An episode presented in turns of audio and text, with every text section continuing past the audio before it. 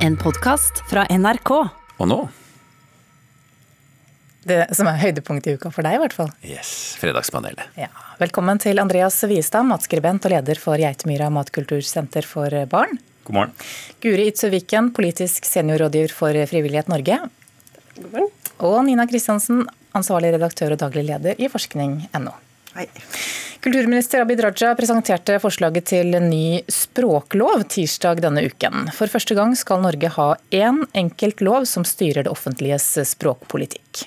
Det er eh, en historisk dag. Eh, Det er første gangen eh, vi skal sikre det norske språket. Formålet med loven er å styrke norske språk, slik at det blir et samfunnsbærende språk. Ja, Det er mange gode hensikter her. Styrke nynorsken og anerkjenne samiske språk som likeverdig med norsk. Men kulturministeren minner også på at norsk er under press fra f.eks. engelsk, og foreslår at alle offentlige virksomheter må bruke, utvikle og styrke det norske språket.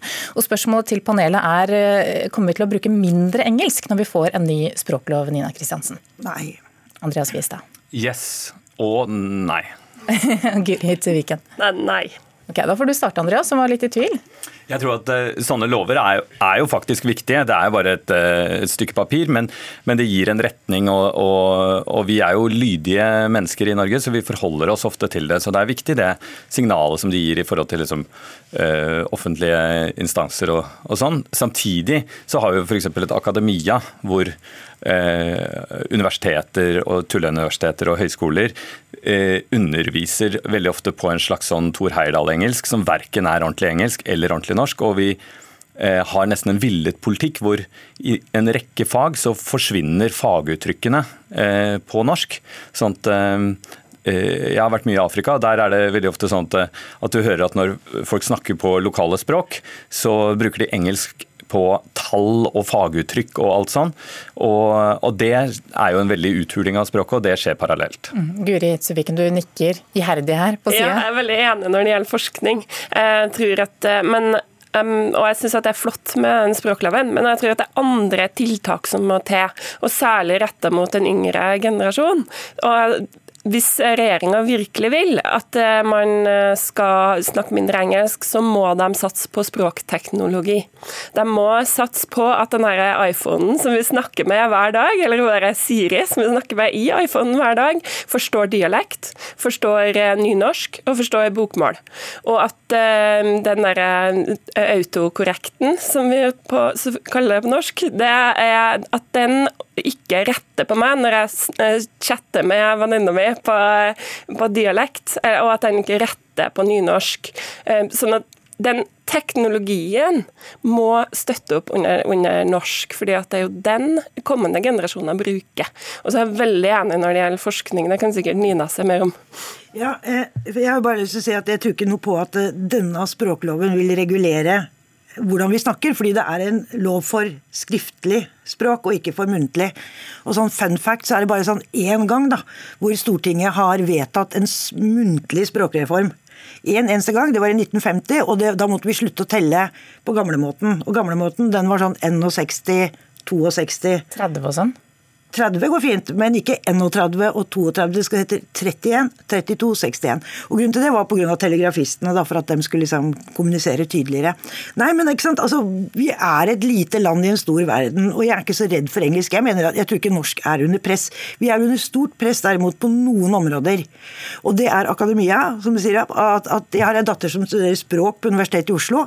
Alle bøkene hennes er på engelsk. Og Det er jo liksom virkeligheten for veldig mange studenter. Forskere jobber jo internasjonalt. Det er jo tåpelig å jobbe bare opp mot lokale kollegaer. Og da må de eh, skrive på engelsk. Men du taper liksom noe språklig på det. Så det der også lære opp forskere, lære opp undervisere til å et norsk fagspråk det tror jeg er veldig veldig viktig. Altså, for, å, for ellers så taper vi studentene som kommer i neste generasjon. Ja, og så er det ikke bare akademia heller. Du må jo tenke at De som er lærerne for, for mine barn, de eh, begynte jo på lærerstudio når de gikk, eh, studiet da de gikk ut av ungdomstidens tåke. Og så, hvis alt de da lærte på universitetet eller høyskole var på et halvdårlig engelsk, så vil man risikere at lærerne verken er spesielt gode i norsk eller i engelsk. Mm, mm. Og, så er det jo også litteratur, selvfølgelig. At, at det er nok god, produseres nok god litteratur på norsk. Og da må det være midler til at forfattere kan få stipender og har mulighet til å jobbe som forfattere. Fordi at språket til folk kommer jo også fra det de leser. Vi skal videre til en, en, annen sak som har skapt mye engasjement denne uken. Eh, Datatilsynet har nå satt i gang gransking av et britisk selskap etter NRKs avsløringer om salg av posisjonsdata fra mobiltelefoner. Det er nemlig sånn at apper på telefonen din eh, har posisjonsdata som avslører bevegelsene dine, f.eks. at du har vært på sykehus eller krisesenter, eller at du har vært innom noen du kanskje ikke skulle vært hos. Disse dataene skal jo være anonyme, men NRKs journalister viste at det er lett å finne frem til enkeltpersoner på bakgrunn av informasjon som de kjøpte fra 140 000 mobiltelefoner. Dette er ubehagelig, mener pasient- og brukerombud i Oslo, Anne Lise Christensen. Eh, det har et omfang som overrasker meg. Jeg syns det er urovekkende hvor mye informasjon man kan hente ut. Og jeg føler meg fryktelig naiv når jeg sitter og ser på det dere har funnet fram til. Det sa altså pasient- og brukerombudet i Oslo. Spørsmålet til panelet, har dere slettet noen apper etter NRKs avsløringer?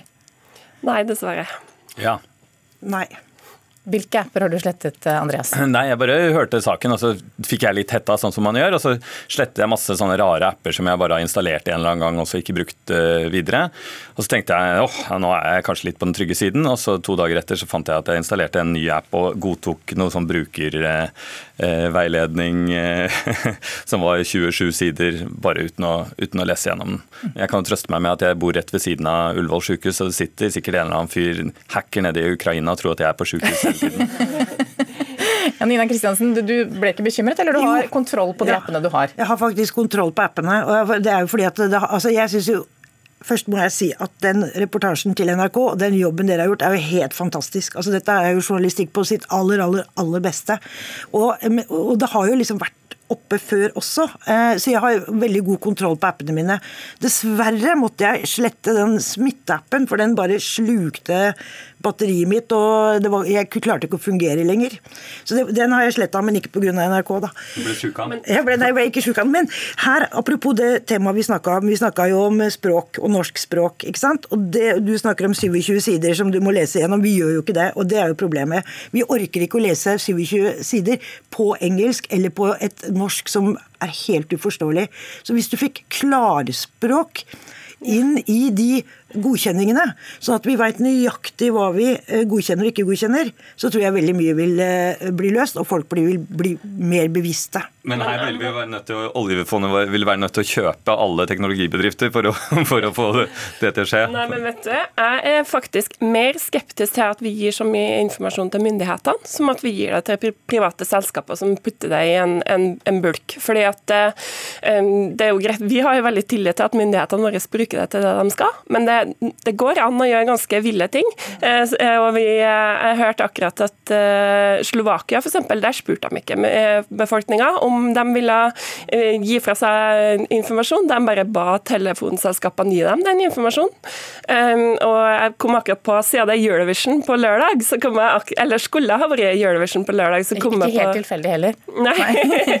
så kom jeg på en historie fra Aserbajdsjan, hvor for noen år siden så stemte Eh, nei, så ba myndighetene Telenor, norske Telenor om å gi dem eh, all informasjon om hvilke innbyggere i Aserbajdsjan som hadde stemt på Armenia i eh, finalen.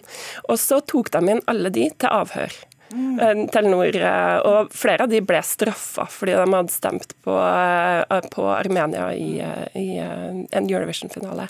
Og det, altså, ja, det, det, er skummelt, fordi at, at myndigheter har jo voldsmonopol. De kan jo gjøre ting som, som private selskaper ikke kan gjøre. Og sånn at Jeg var faktisk mest skeptisk til den smittesporingsappen, fordi at jeg gir så mye informasjon om meg sjøl til myndighetene. Og hvem vet hvem som plutselig sitter med makta. Mm. Vi må snakke om 17. mai også. Det er jo rett rundt eh, hjørnet. og Det er mange som eh, gleder seg til å ta på seg bunad, eller ønsker seg bunad. Men ikke alle går for de tradisjonelle variantene, ifølge VG. Avisen skriver at interessen for fantasibunader, eller fantasistakker, det siste tiåret har vært helt enorm. Og da snakker vi altså om drakter eh, som har alle mulige mønstre, farger og broderier, der alt mulig er lov. Og spørsmålet til panelet er, kommer dette til å ødelegge for den tradisjonelle bunaden? Andreas Wistad. Ja. Gurit Søviken. Nei. Nina Kristiansen. Nei, selvsagt ikke. Hvorfor ikke? Nei, fordi at altså, Opprinnelsen til bunadene var jo Hulda Garborg som ville ha det norske opp mot det svenske. ikke sant? Vi var union med Sverige. Og da Hun oppfordra folk til å liksom kombinere. Ta noe du har. Ta, sørg for at disse bunadene og folkedraktene er liksom det gamle, tradisjonelle, og det nye. ikke sant? Så i Hulda Garborgs ånd og bunadens opprinnelse så skal vi kombinere. Og jeg tror at bunadspolitiet nå begynner å bli ganske utrydda, og at folk bruker bunaden mye mer aktivt. Vi har ei datter som går med liksom blått hår, eh, boots og bunad. Jeg syns det er kjempefint. Til og med uh, ustrykt skjorte. Det er ikke så fint, da. Mm. Andreas Viestad, er du en del av bunadspolitiet, eller? Nei, nei, nei jeg syns jo det er kjempeflott, jeg. At uh, jeg tror ikke sant, Det er som Nina sier, at uh, bunaden ble funnet opp Eh, da man skulle finne opp da, da, var jo egentlig Norge en fantasi. Og så var ideen at man skulle finne opp nasjonaldrakt, for det måtte vi også ha. Og så satte man den sammen. Og da var man ganske fantasifulle. Og så er det akkurat som det har på en måte blitt frosset i tid. Og bunadspolitiet eh, vil da at det skal være akkurat som det var i 1887 her. og Det er til og med noen steder hvor de fikk sin første bunad i liksom 1979, og nå skal den være uforandret til evig tid. Og Da tenker jeg at det er viktig og riktig at eh, man går inn og ødelegger, ødelegger det. det. Eh, og, og det er veldig morsomt når man ser steder for jeg reiser til verden hvor folk går tradisjonelt kledd. og Da er det jo typisk at man integrerer nye elementer i dette. Alt fra, eh, alt fra colakorker til, til liksom ting man syns er kjempe, kjempefint. Men det er demokratisk framforhandla hva slags eh, bunader som skal representere hvilke geografiske områder. Og det er gjort et veldig viktig kulturhistorisk arbeid for å komme fram til dem. Og det er jeg litt opptatt av at vi skal bevare. Så kan man jo man, man gjerne lage drakter som er inspirert av det, men man trenger ikke kalle det for bunad. Ja, men de, de, bunadene som er framforhandla, da er det jo også noen som har bestemt seg i 1979, i 1887, i 1913 og de har bestemt seg ikke bare på vegne av det demokratiske fellesskapet, hvor demokratisk det var, det, det, kan man jo spørre, men de har også da bestemt seg for all evighet, og det er det mest udemokratiske man kan gjøre. Men basert på ja, kompetanse, da. Ja, men jeg har lagd meg en sånn antifantasidrakt, da. Det er en helt svart stakk som er blitt sydd i ei systue i Mjøndalen. Som har liksom bare veldig sånn pene, svarte detaljer, men den er helt klin svart, veldig sånn konservativ. Og så kan jeg kombinere den med alt mulig sjøl, da. Og da, jeg mener, For noen år siden ville jeg sikkert blitt steina, men nå oppfatter jeg at folk bare syns det er morsomt og blir nysgjerrige og spør hvor den kommer fra. Da må jeg finne på ting, da. Det er sikkert sånn, det er sikkert sånn tippoldemora di ville gjort, ikke sant? Altså. Akkurat det samme. Så jeg pleier å si det at det er Honsvannsdakta, da, for det er liksom den lille skaukjennet hvor jeg har hytte. Og da blir folk veldig interessert. Men, ikke sant? men altså, du har jo helt rett i det. Dette her er liksom ånden til Hulda Garborg, altså. Kjør på.